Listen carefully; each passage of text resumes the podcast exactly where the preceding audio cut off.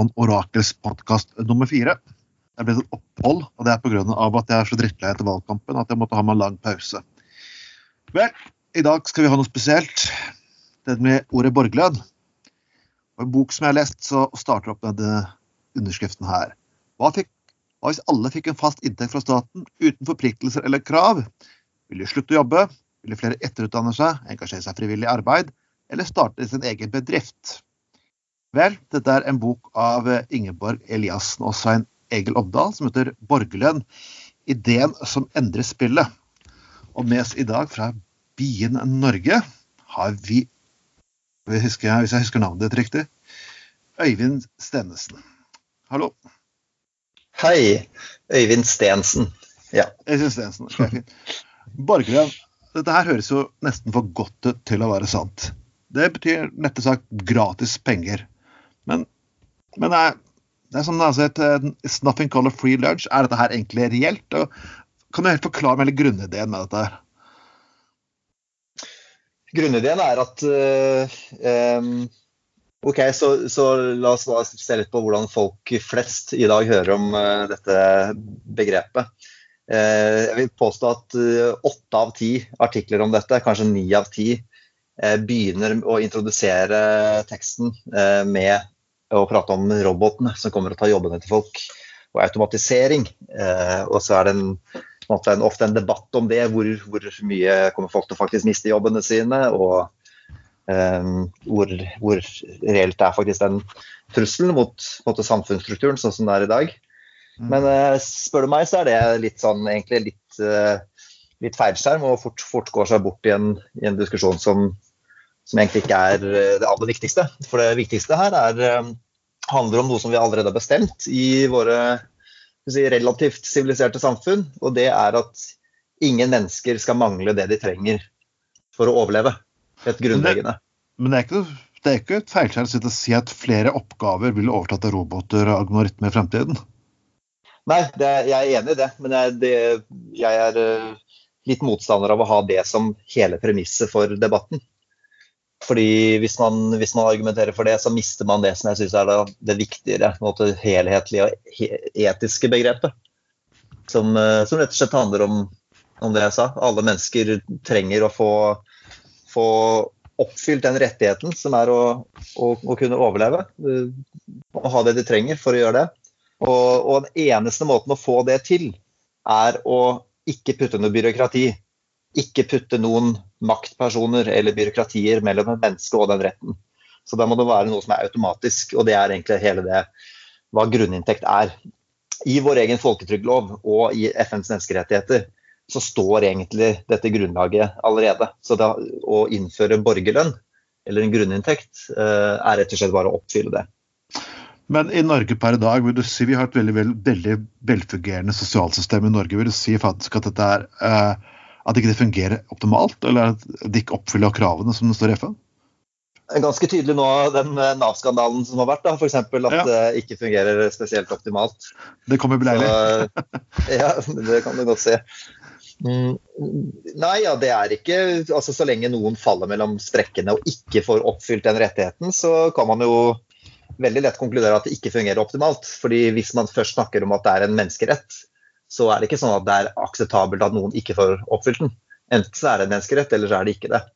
Så er man seriøs, så, så oppfyller man det. Uh, vi har et uh, veldig komplisert uh, byråkrati og veldig kompliserte regler rundt ikke bare velferdsytelser, men også måten vi prøver å stimulere økonomien. Altså, og, og også både, både, kulturelt og måte, næringsmessig.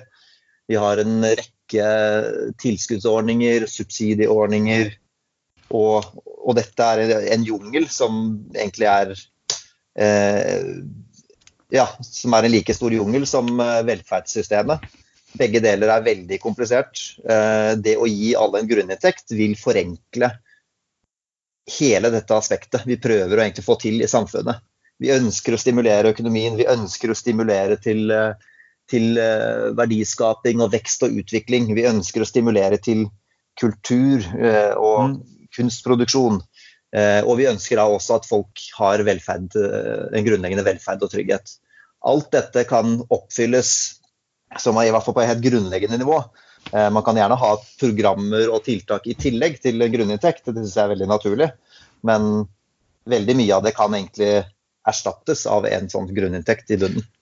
Jo, men vi kunne ikke tenke at folk da vil få penger til bare å gjøre hva faen de vil? liksom Kanskje gå på fylla og ikke egentlig jobbe og kanskje ta reise jorden rundt og en del andre sånne ting. Eh, er det ikke litt rart at noen i samfunnet skal betale alle de andre for å få den sine drømmer oppfylt, kan du si det? Når de selv ikke vil jobbe? Det er et spørsmål som stilles hele tiden. Alle, alle, vil jo kunne ha, ha, litt av de samme mulighetene, først og fremst. Så det blir jo ikke så veldig urettferdig i den forstand. Alle, alle vil ha det grunnbeløpet eh, hver måned, grunnleggende. Og så, så viser jo alle forsøk med det at folk ikke jobber noe særlig mindre.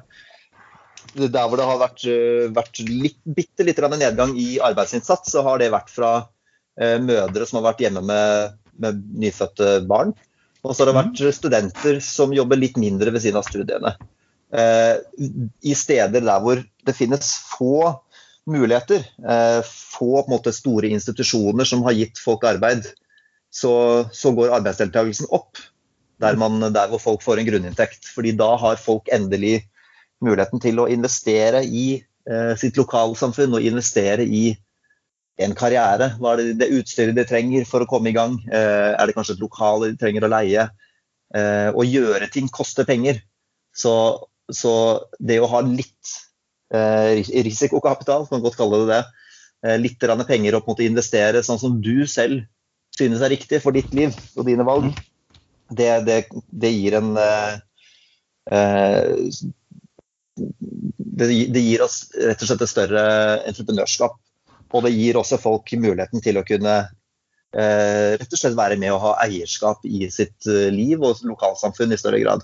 Noe som vi også vet bare psykologisk at det å gi folk agens og, og et visst eierskap over det de, det, det de jobber med, det, det motiverer folk og, og, gjør at outputen blir bedre. Du snakker om hvilken forsøk er det her du viser til. Vi har sett det, Nå sies det at det forsøket, prosjektet som var i Finland, egentlig ikke var vellykket. Så hvilken, hvilken forsøk er det her egentlig så først, først, om det i Finland. Det, det, at det ikke er vellykket, er kanskje å sette det litt på spissen. Det forsøket hadde kritikere fra starten, fra mange tilhengere av grunninntekt. Fordi folk mente at dette beløpet var for lite. Eh, fordi det var egentlig en hva kan du si, ja, Kanskje du kan kalle det en halv borgerlønn. Ehm, du kunne få bostøtte i tillegg, men kun, kun ved hjelp av det egentlig kunne du leve på det. Så hvis du ikke kan leve på det, så er det egentlig ikke en, en full grunninntekt i, i, den definisjonen vi opererer med her i vår organisasjon i Norge. Men um, og ja, så var det da eh, langtidsarbeidsledige som fikk det. Som var kanskje en ganske, og de var spredd rundt i hele landet, så du fikk ingen sånne synergieffekter av det osv. Men det er drøyt å kalle det mislykket, fordi eh, det viste ikke spesielt oppgang i eh, arbeidsdeltakelse. Men det viste heller ikke nedgang. Eh, og så vidt jeg vet, så er det bare fra første året med det. Så, så du mener så det var det var dårlig gjennomført. Ja, de, ville de bare satte i gang halvveis for at det mislykkes. De si. ja, det var, ikke, ja, nei, det var, ikke, det var litt, litt, dårlig gjennomført, skal man si. Det, var, det ble ikke akkurat perfekt eksperiment, men det er det sjelden at sånne eksperimenter blir. Eh, så det er liksom Man må, man må alltid se på, se på, helheten av hva mange eksperimenter viser ofte. Um, men ja, i, i uh, uh, man kan ikke si det er mislykka, fordi folk rapporterte eller hvert fall at folk hadde bedre helse, og spesielt mental helse.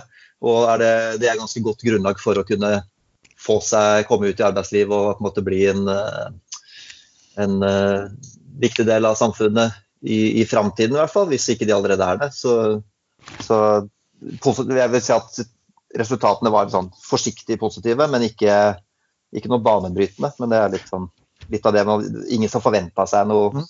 annet heller, og som kjenner Men du nevnte, du nevnte eksperimenter, så det er vel eksperimentert med det andre steder? Er det noen andre eksperimenter du kan vise til? Så... Ja, så det er, jo, det er jo flere, men uh, det ene som jeg nevnte i stad, hvor arbeidsdeltakelsen gikk uh, betraktelig opp, det er, var i Namibia. Og det høres kanskje fjernt ut fra norske forhold, og det er det jo på noen måter. Men, men der er det meget, meget interessante resultater. Alle som hører dette, kan bare søke på Bignam. Altså B-I-G-N-A-M. Og Der finner man den rapporten. Der gikk kriminalitet betraktelig ned. Krypskytting gikk ned med 95% Kriminalitet gikk ned med 40 um, Arbeidsdeltakelsen gikk uh, opp, jeg husker ikke akkurat tallet, men i hvert fall tosifra. Ja. Um, og, og, så, okay, så det høres fjernt ut fra norske forhold, det at ok, arbeidsdeltakelsen der gikk opp. Men jeg mener, jeg vil påstå at det er ikke så fjernt fra si en norsk bygd da, som kanskje, hvor det kanskje en gang har fantes en hjørnestensbedrift mm. som har på en måte gitt folk arbeidsplasser i den bygda og på en måte egentlig vært driv, drivkraften, en økonomisk drivkraft i bygda. I disse dager så ligger kanskje den type bygd måte litt sånn brakk, og den, for den bedriften har trukket seg ut. Og det er ikke så veldig mye annet som skjer der. Og mange, måte, mange flytter fra, og mange av de som blir igjen, har ikke så veldig mange, mange muligheter. Så det blir på en måte mye, mye velferd og, og sånn som på en måte holder liv i den bygda uansett. Um, så, så det, det, at arbeidsdeltakelsen gikk opp i de bygdene i Namibia, det var um, rett og slett fordi da skapte folk sine egne arbeidsplasser. Og mm. alle lokalsamfunn har jo egentlig et ønske og behov for uh, lokal produksjon av varer og tjenester. Uh, alle ønsker vel noen butikker og noen salonger og noen som kan være dataingeniører eller webdesignere eller eh, bygge ting og, og, den slags. Så, så idet folk har penger, så er det mulighet til å investere i verktøy de trenger og, og den slags. Så du, mener, så du mener at det her vil egentlig være god distriktspolitikk? At uh, kanskje norske distrikter vil få tilflytting igjen? takket en sånn ordning? Ja, jeg mener at det vil være fantastisk distriktspolitikk. Det er sannsynligvis det vil være et helt sinnssykt løft for norske distrikter å gi alle grunninntekt. Det vi ser i dag, er at det er en klumping inn i byene, for det er i byene alle mulighetene finnes. Men å gi folk grunninntekt vil si at man investerer i mennesker der hvor de er, og også der hvor de vil oppholde seg. Så jeg tror du ville sett ganske mange sånne lokale samfunn hvor du vil blomstre opp med folk som ja, kanskje er villige til å Eh, ta litt risiko, starte med kanskje ikke så veldig høy inntekt, du vil jo ikke få masse penger i, i en sånn grunninntekt, men da kan du, bo, kan du, kjøpe et billig hus på landet, så nå prisen er falt voldsomt.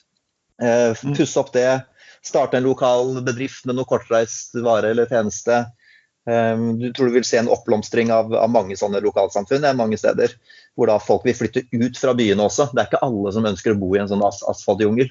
Mange tror jeg egentlig innerst inne lengter etter litt uh, grønnere og roligere og idylliske omgivelser. Jeg må si at jeg er blant de personene som elsker asfalt under føttene mine. Men òg okay. jeg, jeg er glad i asfalt. Men vi snakker om her. Uh, hvor stor har du tenkt at han skal være? For summen spiller jo veldig mye rolle her.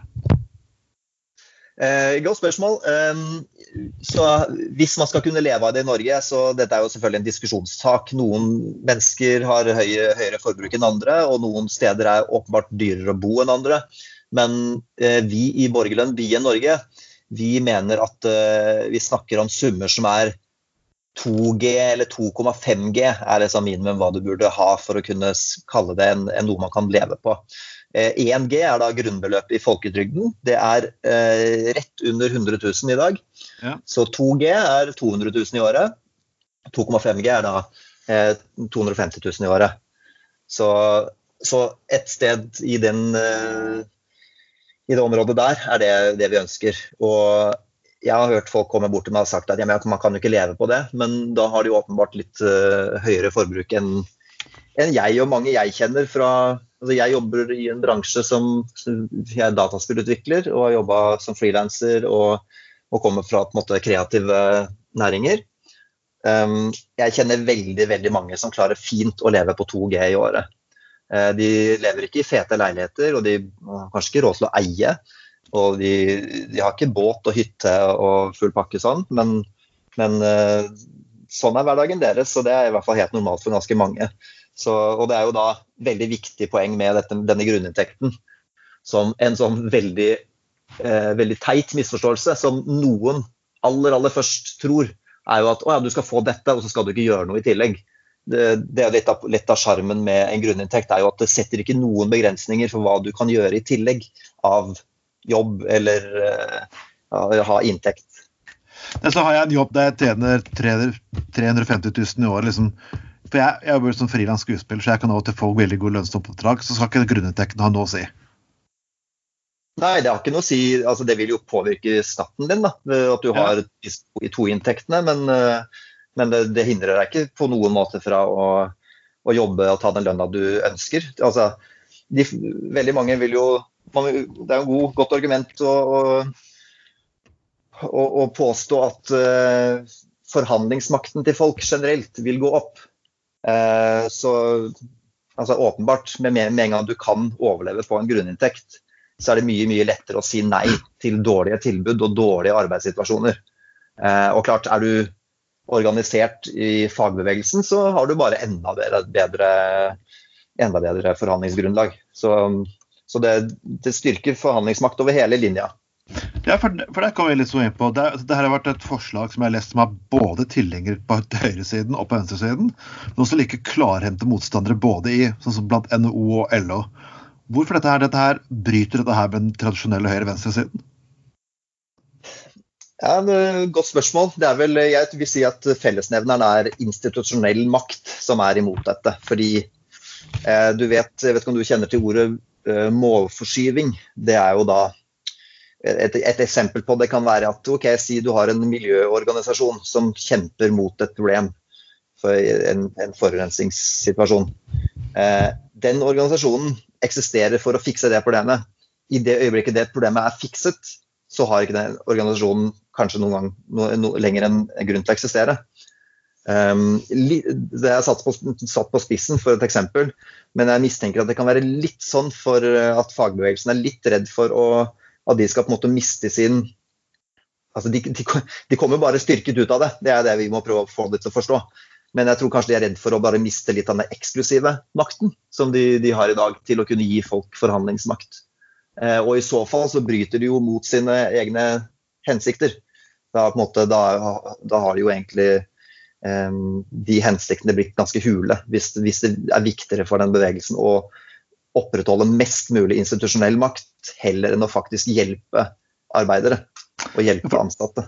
Arbeiderpartiet ja, for, for Arbeiderpartiet så er det arbeidslinjen og det faktum at skal tariffavtale de to viktigste tingene som gjelder.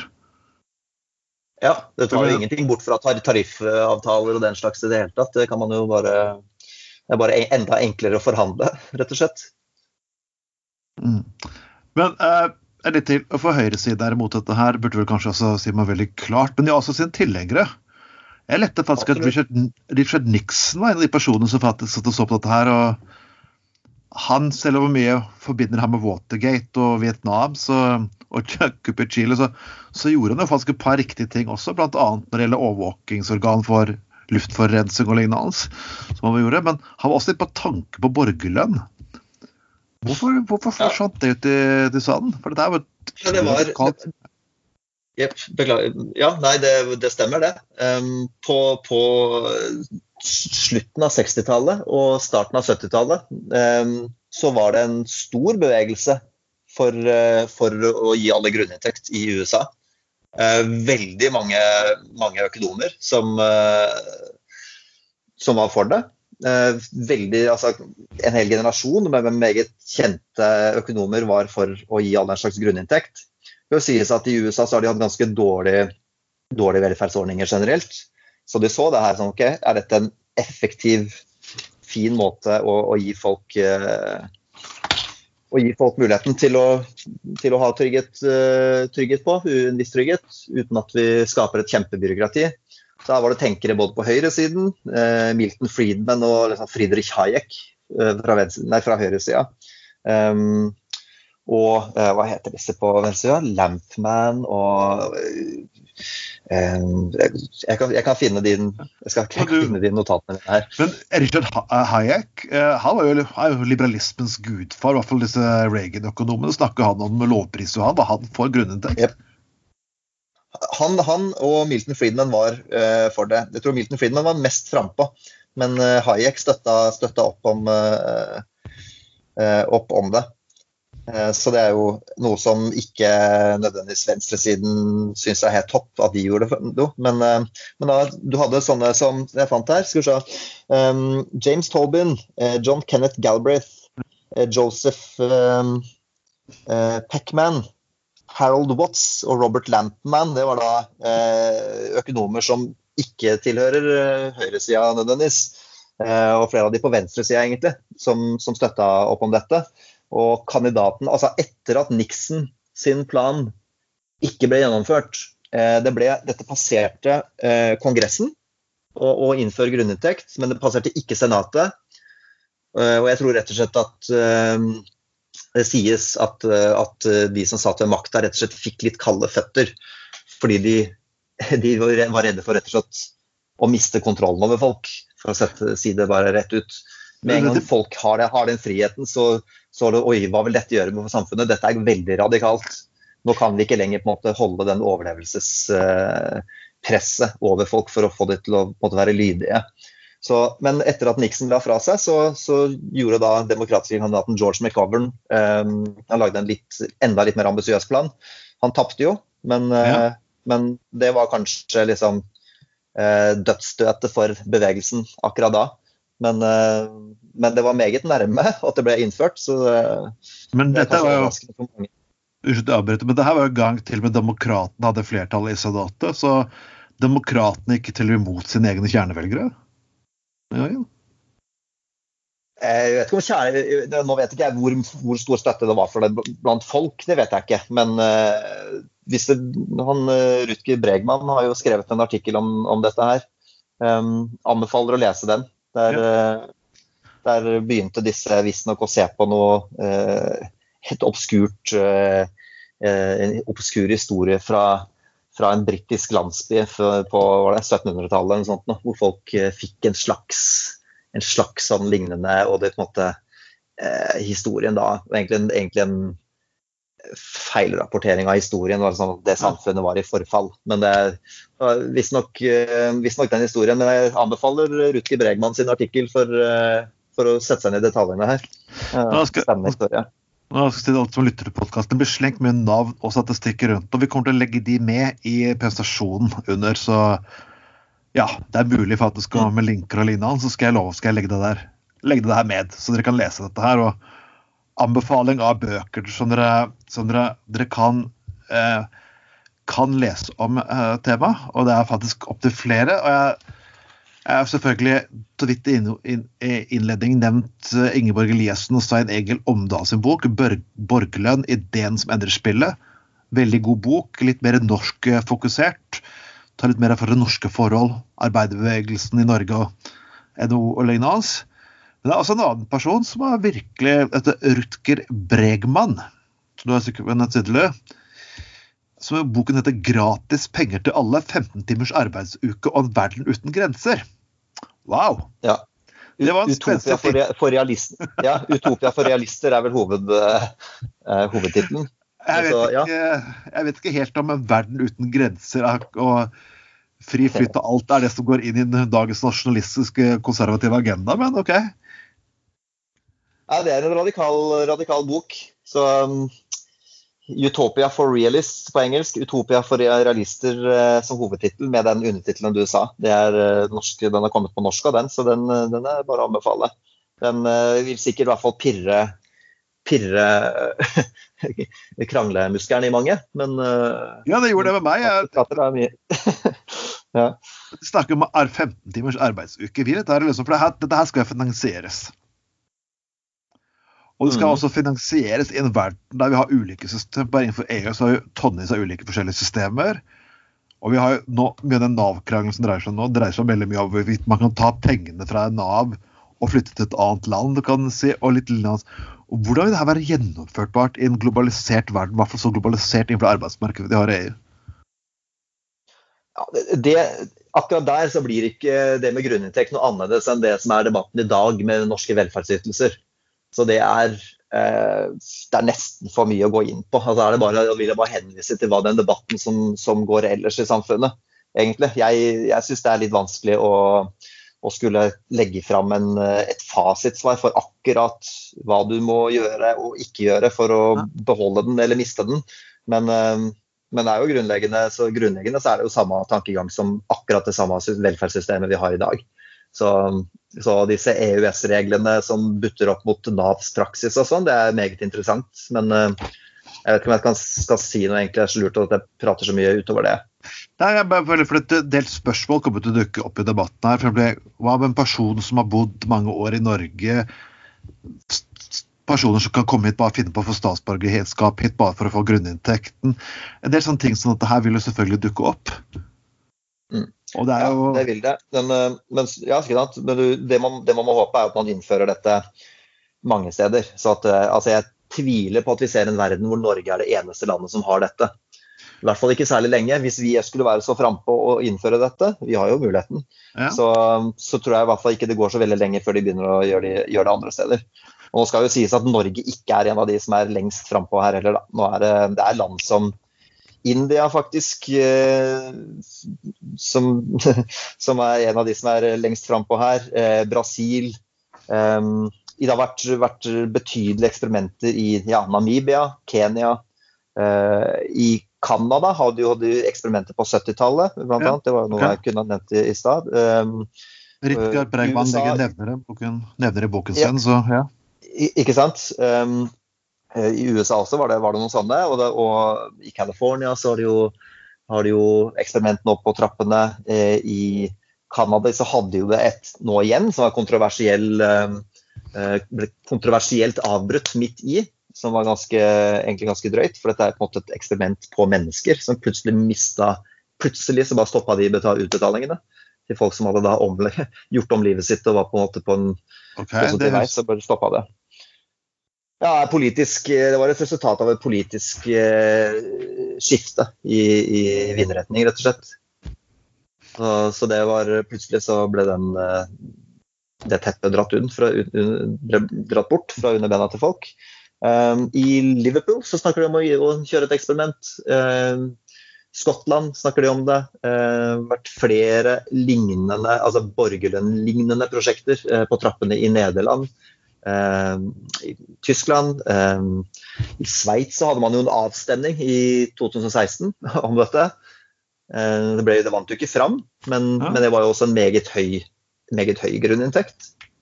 Så hadde jo vært på var det, 25 000 kroner i måneden. Så, så til, til, å være så fersk i det, så fikk det, det fikk oppunder 30 støtte i, i valget. Så, ja. Jeg hadde klart fint å leve på 25 000 kroner i måneden. ja, det hadde nok jeg òg. Men jeg har ikke et spesielt høyt forbruk. Men dette her skal finansieres. Og jeg, kom litt inn på det vi snakket i begynnelsen om uh, at teknologi overtar mer og mer. Min kone hadde jo en jobb som for ti år tilbake som har blitt erstattet av en app. Det betyr det at du har veldig mange roboter i økonomien som faktisk tar, produserer veldig mye. Og jeg tror ikke det var Bill Gates eller, Aline noen som snakket om at hvordan skal vi skattlegge dette her? For dette her skal vi, skatt, skal vi skattlegge roboter? Grunnen til at jeg lurer på det, er at pengene må komme fra et sted. Ja. Så, så, så, som verdensøkonomien er nå, så er det utrolig store pengesummer som vi faktisk sliter med å skattlegge. Og det er et grunnleggende problem. Eh, grunninntekt eller ikke, så, så er det et, et, problem som truer egentlig ja, velferdsstaten, men også egentlig hele sivilisasjonen vår. Hvis, hvis, vi lar eh, enorm verdiskaping bare forsvinne ut av landet og liksom inn i en eller annen skjult bankkonto eller en bankkonto på Cayman Island så, som ikke vi får noe skatteinntekter fra, så er det en generell kjempeutfordring for et samfunn. Så en grunninntekt må, burde føre med seg også en skattereform. Eh, generelt så trenger vi en skattereform, sannsynligvis med internasjonalt samarbeid. Mener du at dette ville, kun, at dette ville kun vært finansielt mulig hvis vi fikk slutt på skattesnyltingen? Eller skattesvindel, som du sier? Jeg tror, jeg tror, at uh, fremtidig sivilisasjon avhenger av det generelt, med eller uten grunninntekt. Men jeg er også tilhenger av at uh, fremtidig sivilisasjon avhenger av at folk får grunninntekt. Så, så du kan se, kan se, på det sånn her at um, med de utfordringene verden står overfor i dag, og den uroen folk har for fremtiden sin, eh, og, og, den usikkerheten folk føler. Eh, den potensielt massive arbeidsledigheten vi kan, vi kan få. Eh, og ekstre, de ekstreme økonomiske forskjellene vi har i dag. Som ikke bare er økonomiske forskjeller, men også handler om makt. Og hvem som har tilgang på makt og tilgang på å forme politikk og tilgang på å, å bli hørt i, i, samfunnet. Slik som det er, så er det ikke bærekraftig i seg selv. Så i stedet for å spørre hva en grunninntekt vil koste, så er det kanskje lurt å spørre eh, hva det vil koste å ikke innføre det. Mm. Da snakker man om ganske store skadevirkninger i samfunnet. Jo, Det, det, det høres veldig idealistisk ut, men det er sånn man, man må alltid stille spørsmål hva det vil koste, hva vil det koste ikke å gjøre det. Mm, men, på, jeg går gjerne inn på litt sånn så for, for, å finansiere en grunninntekt, så, så er det um, Det er noen grunn, grunnprinsipper og ting som man må huske på.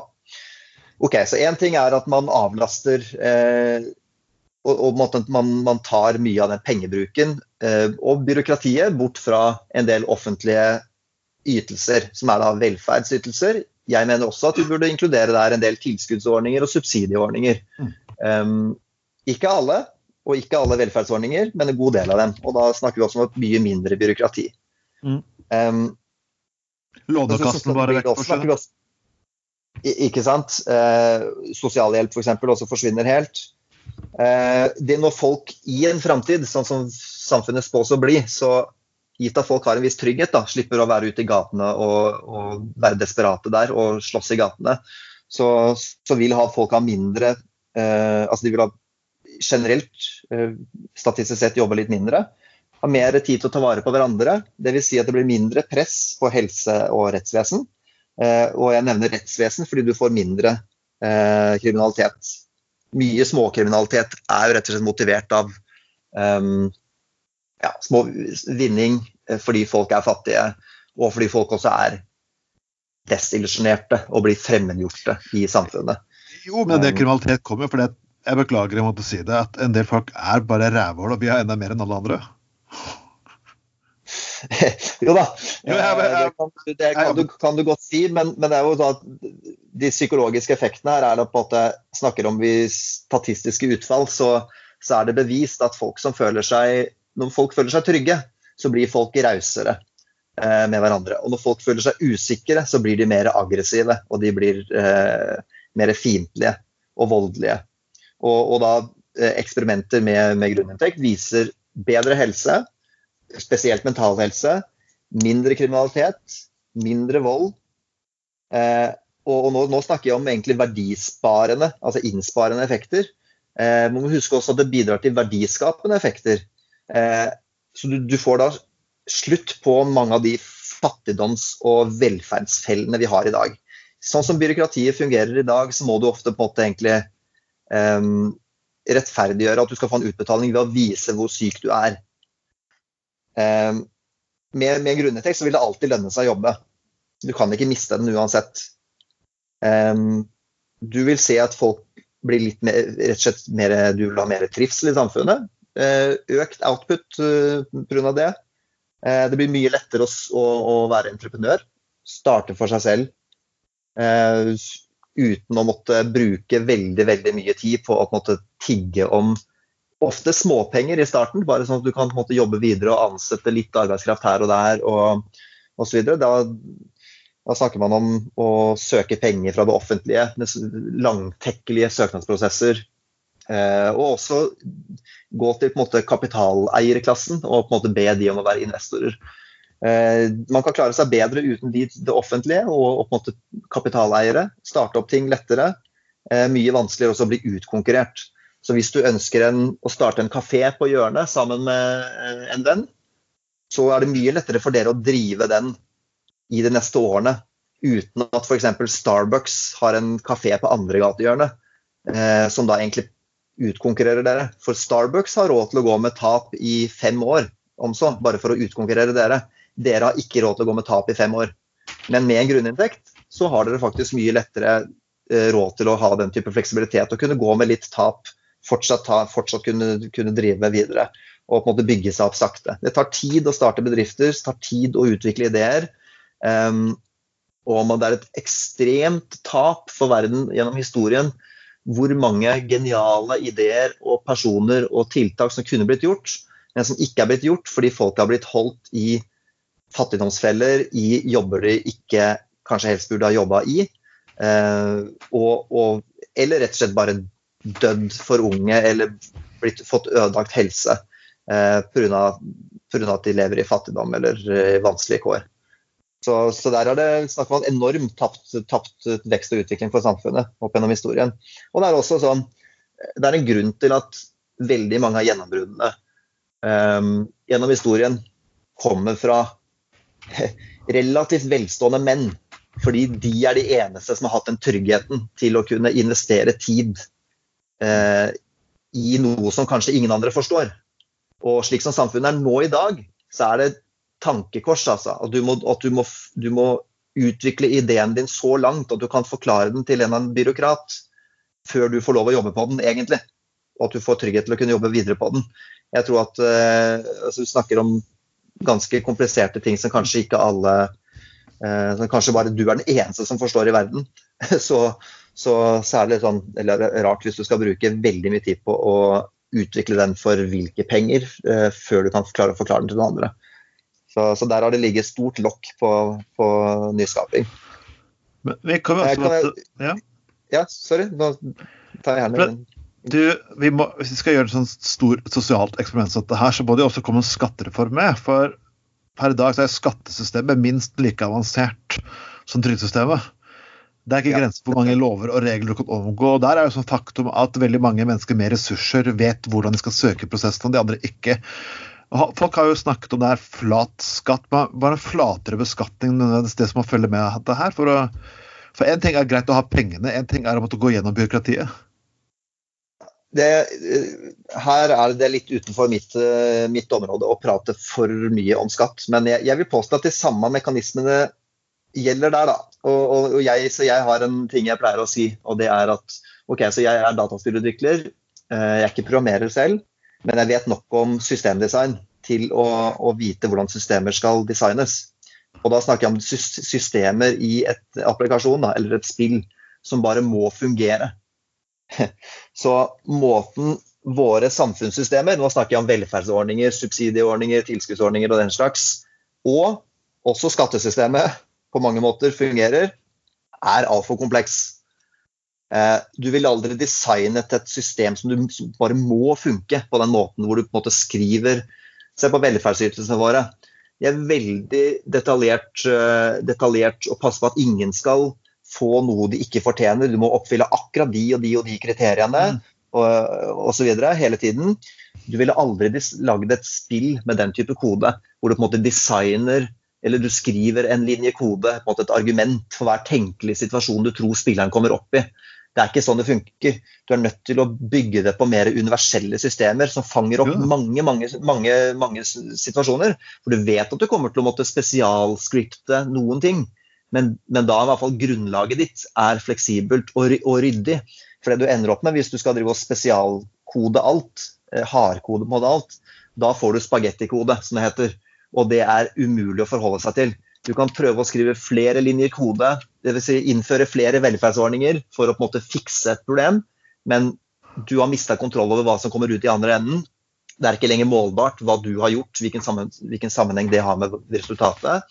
Eh, og ingen mennesker i verden eh, har, er intelligent nok til å klare å ha oversikt over det systemet.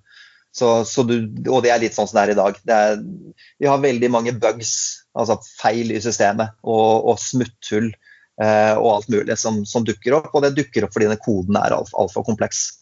Så, men... så, den eneste måten å, å, å, rydde opp på, er å lage en enklere grunnlag som, som ting bygger på. Og det er f.eks. en grunninntekt. Og kanskje også i det eksempelet du drar fram, en enklere skatte, skattesystem, i hvert fall i bunnen. Men også en enklere byråkratisering generelt sett, for det er veldig mange ofte driter seg ut på. Det, har vært en del, det er ofte veldig mange idealister som starter opp utesteder i byen her. Det er ikke nødvendigvis at de ikke har penger. Men det er et eller annet byråkratisk rot som står i veien på et eller annet nivå, og så ender det med at de har ikke en revisjonsavgift der, de har ikke levert inn ditten på det, og ditten på det, og ditten på det.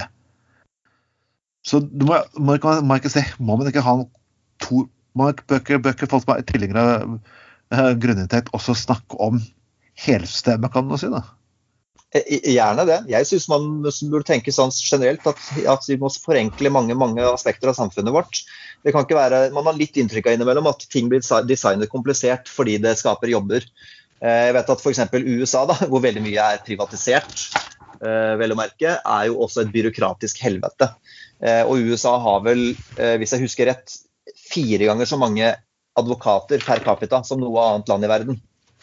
Så, og det, det er, så det, måte, der, ska, der, skaper man jo byråkrati, for det er, nesten, det er, nesten, som et jobbprogram for advokater. Sånn at de skal ha noe å gjøre, og sånn at de skal ha eksklusiv tilgang på forstå systemer som kunne vært gjort enklere, sånn at folk forstår de generelt.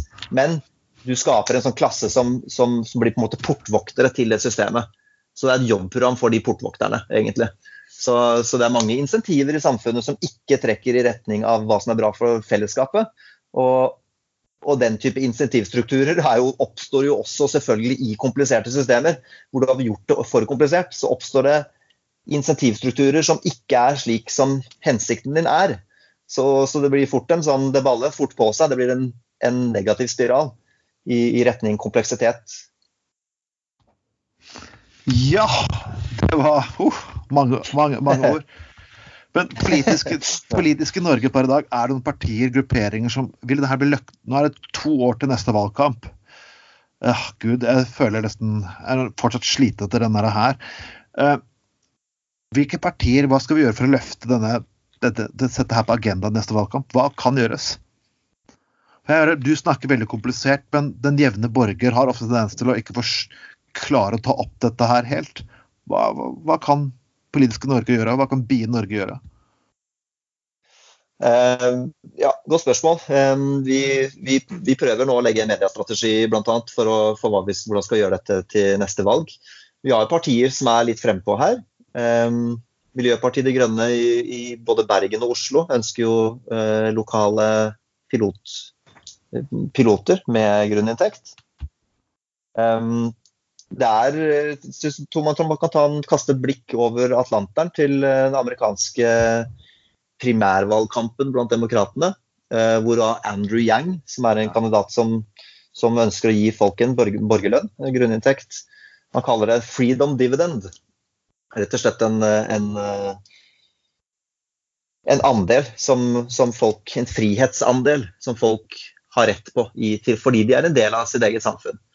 Eh, og han, han, er flink til å beskrive det. Han prater en del om automatisering og at mye av grunnen til at Trump ble valgt, er fordi folk er redde og bekymret for fremtiden sin, og mange har blitt arbeidsledige og fått dårligere jobber, mer usikre jobber og den slags.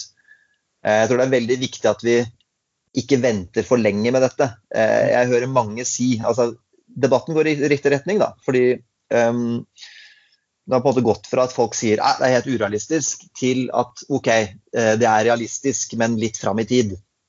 Eh, vi må på en måte vente til robotene eller teknologien har liksom skakkjørt samfunnet helt.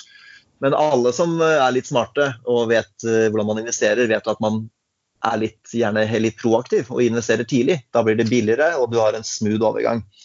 Og jeg mener at i dag så er det kjempegod grunn til å på en måte innføre dette eh, i løpet av noen år i Norge. Ja. Så, og, og, vi trenger å fase ut en god del gamle industrier. Eh, folk er redd for å miste, miste jobbene sine. Altså, noe som holder f.eks. Miljø, miljøbevegelsen tilbake, er jo liksom at folk er redd for jobbene som er i olje- og gassindustrien. Ja. Og er knyttet til, knyttet til det. Eh, og der gis det jo store subsidier og osv. Så, videre. så jeg mener at mye av det burde kanaliseres i å rett og slett lete etter si, den nye oljen i den generelle befolkningen. Det å investere i mangfoldet er generelt smart. Og det å innføre grunninntekt i Norge, det er kun en videreføring av den velferdsstaten som har tjent oss så godt. Jeg vil påstå faktisk at en av de største eksperimentene vi har med et borgerlønnaktig samfunn, det er å se på de nordiske landene, hvor vi har investert i å gi folk Hva er det, hva det, det grunninntekt gir? Det gir folk større frihet og mer trygghet samtidig.